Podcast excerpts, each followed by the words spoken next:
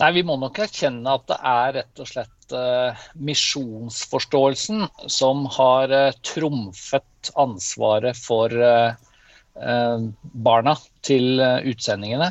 Det har nok vært det man kanskje kan si en kallsforståelse, hvor mennesker som da har tenkt og opplevd og kjent at de har et ansvar for å fortelle om Jesus der hvor Jesu navn ikke er kjent, det har eh, på en måte vært så høyt prioritert eh, at eh, vi nå innser Det skjedde nok sikkert ikke da, men nå innser vi jo at de ordningene man da lagde for å ta vare på barna, de var ikke gode nok. Og den sterke, langvarige atskillelsen som en del barn opplevde i tiår på tiår, nettopp pga. internatskoler. Den, den, skapte for mange såpass store sår, av og til traumer. Eh, og noen ganger så var jo også bemanningen for dårlig og for lav på disse internatene.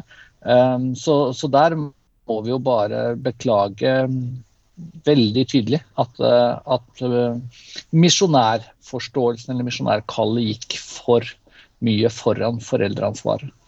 Hvordan eh, har den prosessen vært for at Misjonssambandet og andre misjonsorganisasjoner eh, eh, nå ser annerledes på det enn en gjorde for noen tiår siden? Ja, det har vært en, en, langvarig prosess. Det kom vel en avsløring for, og nå tror jeg vi snakker om 30-40 år siden snart, av overgrep, altså seksuelle overgrep på internat i Japan. Det var kanskje den, den første gangen at, uh, at temaet virkelig kom på dagsordenen. Har barn blitt forsømt av misjonen uh, gjennom internatskolene? Og det som kom fram uh, fra Japan, var jo helt forferdelig.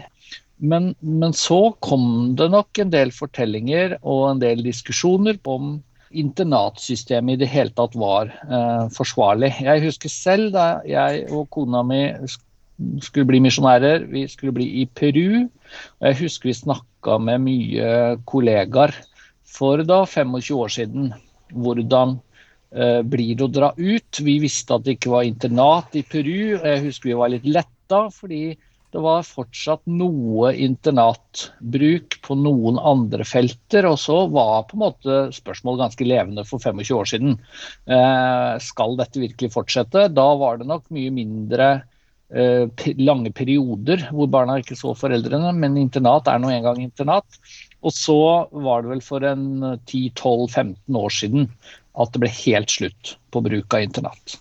Vi skal komme litt tilbake på eh, hvordan en tenker rundt dette nå og hva en gjør nå. Men eh, de sår som er skapt, blir det gjort noe for å lege de? Ja, det håper jeg. Eh, og så er det jo lettere sagt enn gjort. Det må man jo bare erkjenne, at, at her kan ting stikke dypt og være veldig vondt og, og, vanskelig. Eh, I vår organisasjon, sammen med NMS, så hadde vi jo en stort misjonærbarnprosjekt Eh, for litt over ti år siden, hvor det var en stor spørreundersøkelse som gikk ut til hundrevis av barn som hadde hatt oppvekst på våre misjonsfelt og på våre skoler. Eh, og I den forbindelse så ble det også lagt opp til både mulighet for samtale og eh, noen har fått støtte for å reise til sitt, tilbake da, til sitt land de vokste opp. Eh, vi vet jo at mange har hatt behov for medisinsk behandling i form altså av psykologhjelp, psykiatri. Eh, og vi har forsøkt som organisasjon å, å bidra og legge til rette eh, for dette. Men det er klart det, dette kan sette dype og langvarige sår. Eh, I eh, Vårt Land, som bl.a. har skrevet om dette her eh, denne uken, så er misjonærbarn, tidligere misjonærbarn Berit Dahl sitert på at hun mener misjonsorganisasjonene har vært skuffende tause når det gjelder denne, denne debatten her. Ja, det ser jeg at hun, hun skriver, og det må vi jo ta på alvor. Det er jo en av grunnene til at jeg svarte ja med en gang når du spurte om vi skulle snakke om dette i dag. For jeg tenker vi ønsker ikke å være tause. Vi vet at dette er en del av eh, vår historie. Eh, og vi må jo eh, beklage så tydelig og helhjerta vi bare kan. i møte med, med alle de vonde historiene vi, vi, møter. Så fra vår side i hvert fall så er det ikke noe ønske om å feie noe under teppet eller å bagatellisere noe, men, men være tydelige på at uh, vi vet at det er for mange uh, misjonærbarn som har vonde historier. Eh, mange av de eksemplene eller problemstillingene som, som, du nevnte her i forhold til internatbruk osv., eh, er det bare i historie nå? Er nå alle misjonærbarn sammen med foreldrene sine? Ja, vi, dette gikk litt gradvis. Aller først så ble internatsystemene eller internatskolene avviklet for barn fra første til fjerde klasse. Eh, men det tok ikke mange år før man uh, sluttet med all form for internatbruk uh, på grunnskolenivå. Nå er det jo det vanligste da at det er lærere som sendes ut med familier, og så bruker man internettskole, og kanskje noe lokal eh, skole, men man har da i tillegg en lærer som tar seg av norskundervisning og den slags.